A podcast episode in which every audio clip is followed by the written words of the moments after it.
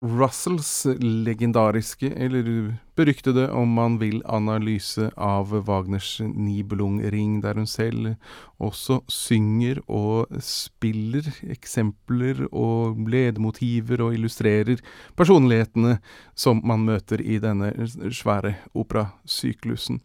Eh, ganske godt imponerende gjort, og jeg håper å si, enten man eh, liker eller setter pris for denne formen for humor eller ikke, så er den faktisk ganske korrekt. Det er det som er eh, litt imponerende med den. Alle de morsomme små tingene som hun kommer med, kommentarene, de eh, er riktige. Og så hun setter jo alt sammen litt på spissen, selvfølgelig, men har også en ganske god teft på hva som egentlig foregår. Og den er ikke så dum, verken for folk som kjenner denne. De vil jo kanskje skjønne noen av vitsene enda bedre, men det er også høyst forståelig for folk som ikke er så veldig inne i Wagners univers. Now that the opera season is with us again, I feel it would be appropriate for me to give a talk on Wagner's Ring der Nibelungen. Now, I know that analyses of the ring are frequently given over the radio by some great expert for the edification of other great experts. but these are usually so esoteric as to leave the average person as befogged as before. and in fact, I think tends to discourage him from going altogether.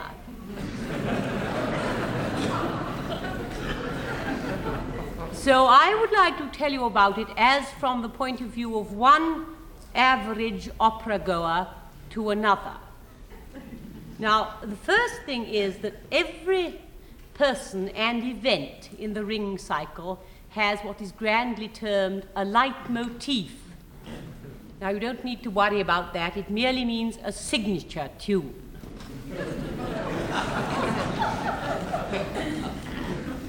the scene opens in the River Rhine. In it, If it were in New York, it would be like the Hudson. and swimming around there are the three Rhine maidens, a sort of aquatic Andrew sister.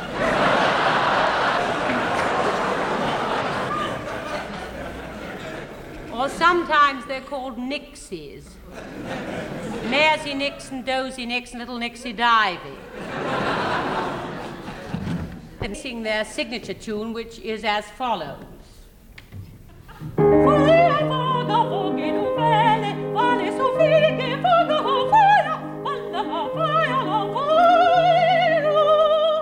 I won't translate it because it doesn't mean anything.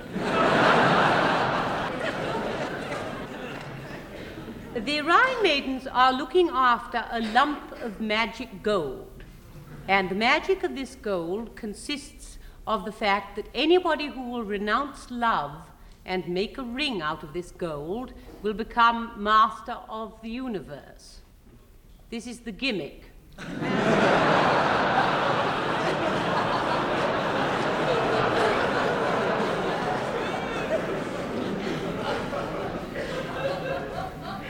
now, up from underneath the river, as it might be, let's say, the Holland Tunnel,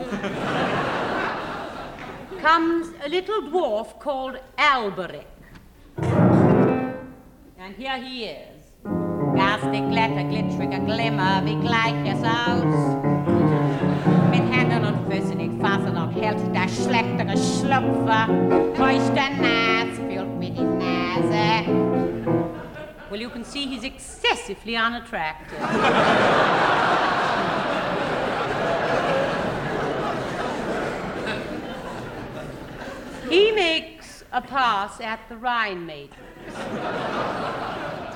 who think he's perfectly dreadful, and so they're not very nice to him. They tell him.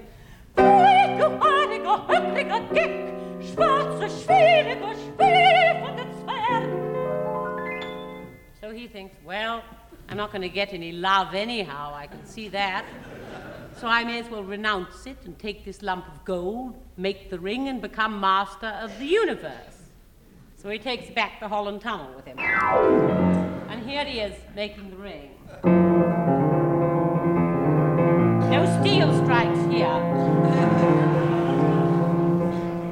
Well, that's him. Well, now, up here, as it might be on top of the Empire State Building, you find Wotan, the head god. And he's a crashing bore, too.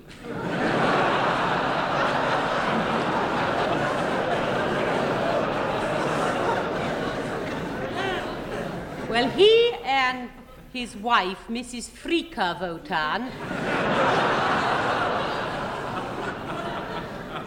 have had a castle built for them called Valhalla.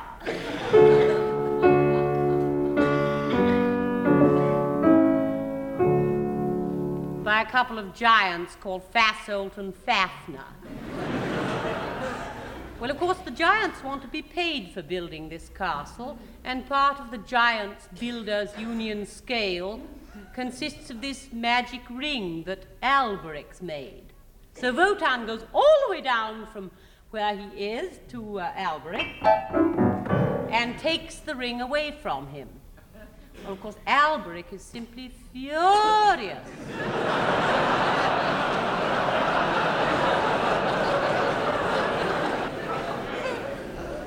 So he puts a terrible curse on the ring.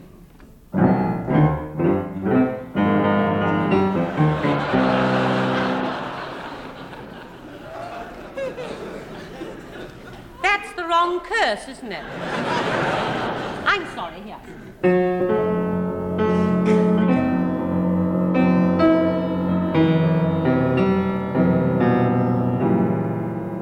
But Wotan takes no notice. He takes the ring up and gives it to Fasolt.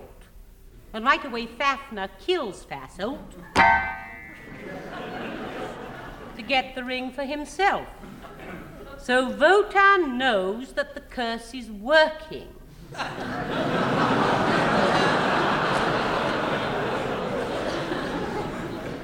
and this worries him, so he goes down to ground level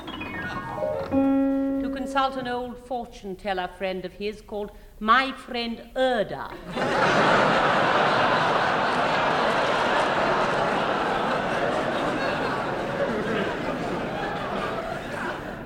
she is a green faced torso that pops out of the ground. At least we think she's a torso, that's all anyone's ever seen of her. And she says to Wotan, she says,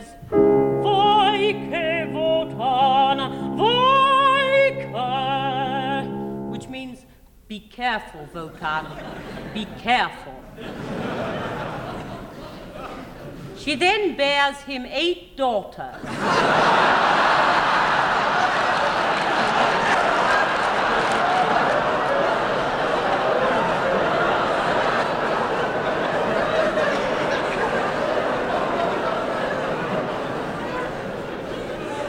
These daughters are the Valkyries, headed by Brunhilda, and they are the noisiest women.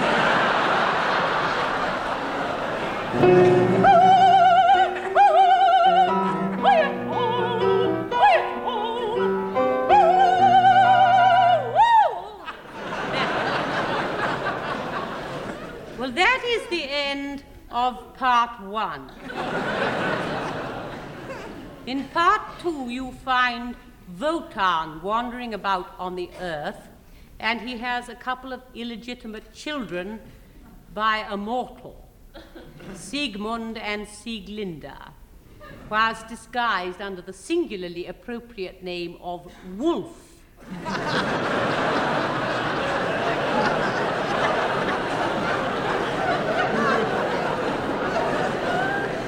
These children become separated at birth, and Sieglinde marries a funny sort of a man called Hunding.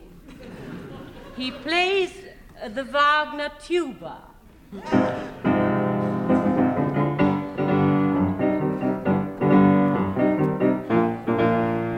He plays it very well. He also has an ash tree with a sword stuck in it growing through his living room floor.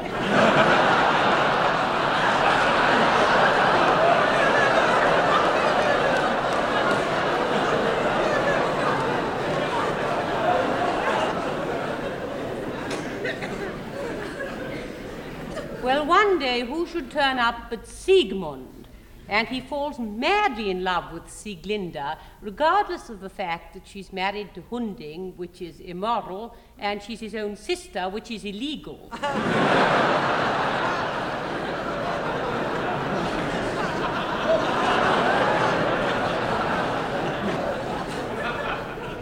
But that's the beauty of grand opera. You can do anything so long as you sing it.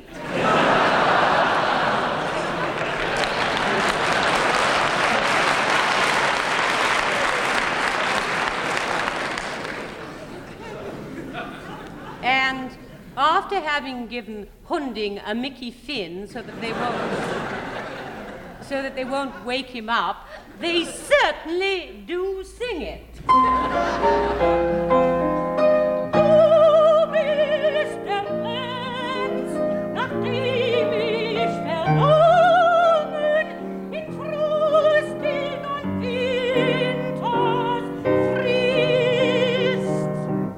They've got that off their chest, Siegmund pulls out the sword that's stuck in the tree that grows in the house that Jack, that Hunding built. and they run away together. Well, of course, when Hunding comes to, he's very annoyed and, and he chases after them, and there's a tremendous battle that everybody gets mixed up in.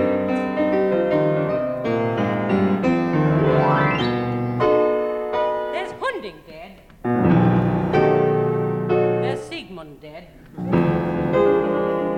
Mr. and Mrs. Wotan have an argument. and Wotan's furious with Brunhilde. He's mad at Brunhilde because he told her she was not to side with Siegmund, and she did. and so, as a punishment, he puts her on a rock and he surrounds her with impenetrable fire.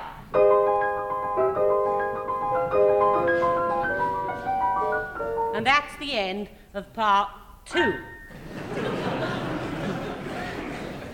well, part three is devoted to the growing up of Siegfried, child of Siegmund and Sieglinde. And he's very young and he's very handsome and he's very strong and he's very brave and he's very stupid.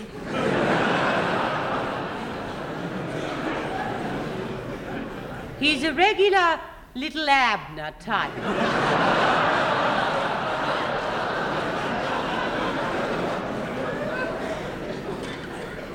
There's not too much you need to know about this opera, except that Wotan comes down and plays 20 questions with them.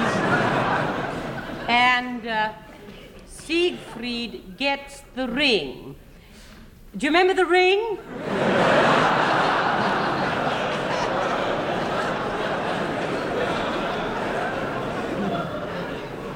Well, he gets the ring by killing Fafner, the giant, who's turned into a dragon in this opera. Don't ask me why. well, then a little bird tells him, and he finds Brunhilde. he finds Brunhilde on the fire surrounded rock. Well, now, he's never seen a woman before, so he doesn't know what she is. But he soon finds out. and they go in for some very competitive singing. the type of thing, anything you can sing, I can sing loud.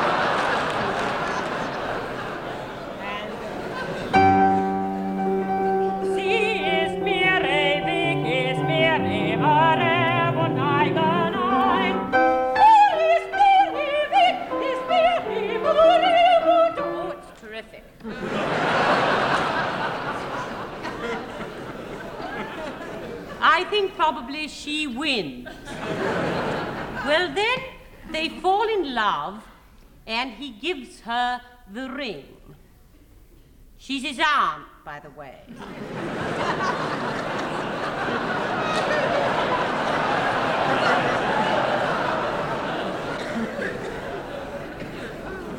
but nonetheless, they are in love and everything's very happy, and you'd think that would be the end of it, wouldn't you? No fear. Götterdämmerung. That's part four. Well, now, in the beginning of part four, you have the three norns or fates, and they are uh, also daughters of my friend Erda, the green faced torso. and therefore, presumably, they are also Siegfried's aunts. But this bunch of aunts are.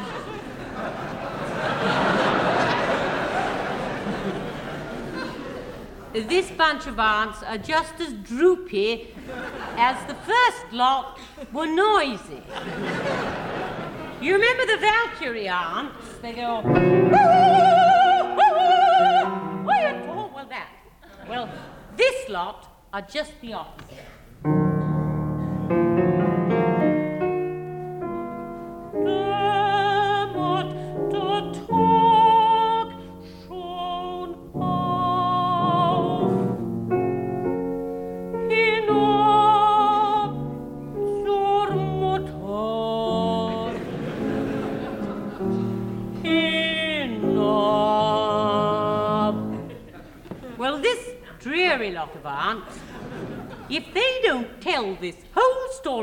Over again from the beginning.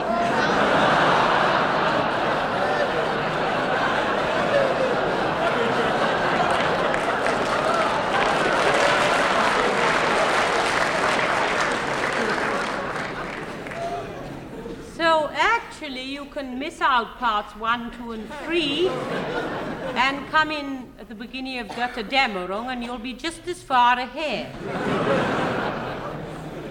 when meanwhile, Siegfried's tired of love on the rocks with Brunhilde. and Brunhilde's gone completely to pieces.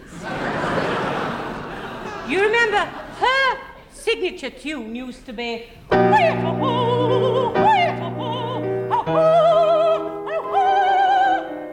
Well, now it's changed to this. La la la la la la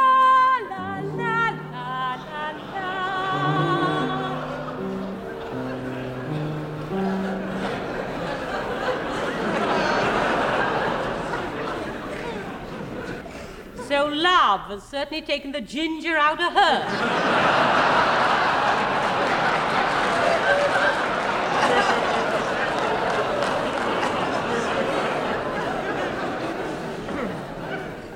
Well, then Siegfried goes off on his travels and he meets three people Gunther and Gutrune Gibich, and their half brother Hagen, whose mother was a Gibich.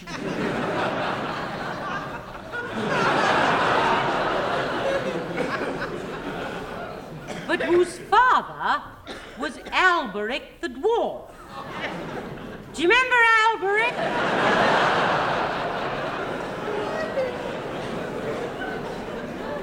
so, Hagen greets Siegfried like this.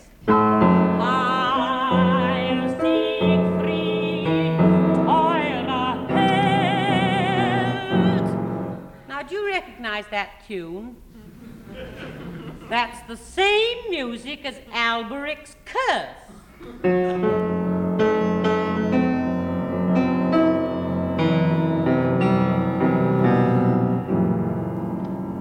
And sure enough, there's dirty work afoot.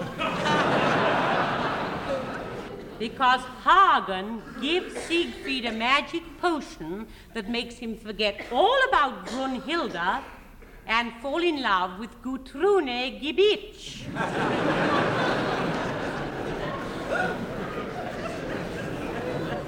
who who, by the way, is the only woman that Siegfried has ever come across who hasn't been his aunt.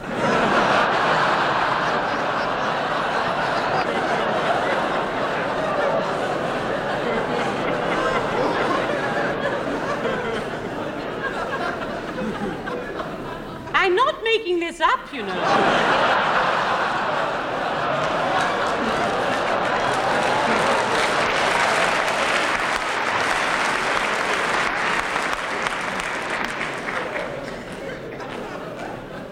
Well, so when Brunhilde finds out about this, of course, naturally she's frightfully annoyed and she plots with Hagen to kill Siegfried.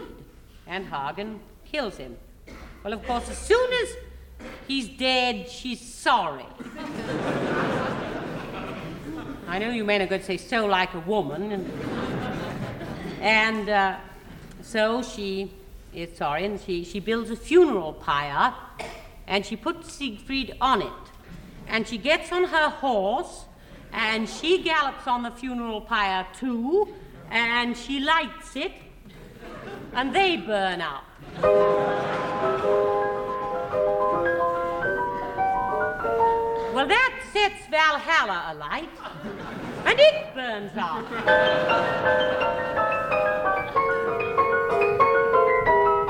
Well, in Wotan and all the gods burn up.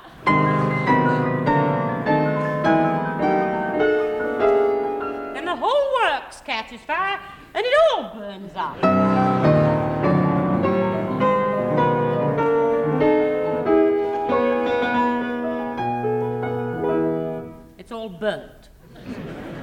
Well, then, the River Rhine overflows its banks.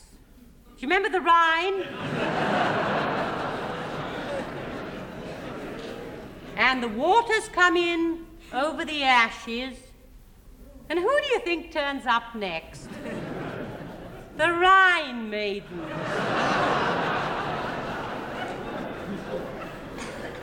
so they take their lump of gold, I mean the ring, which is of course their lump of gold, and they put it back where it came from. And after sitting through this whole operation, what do you hear? You hear.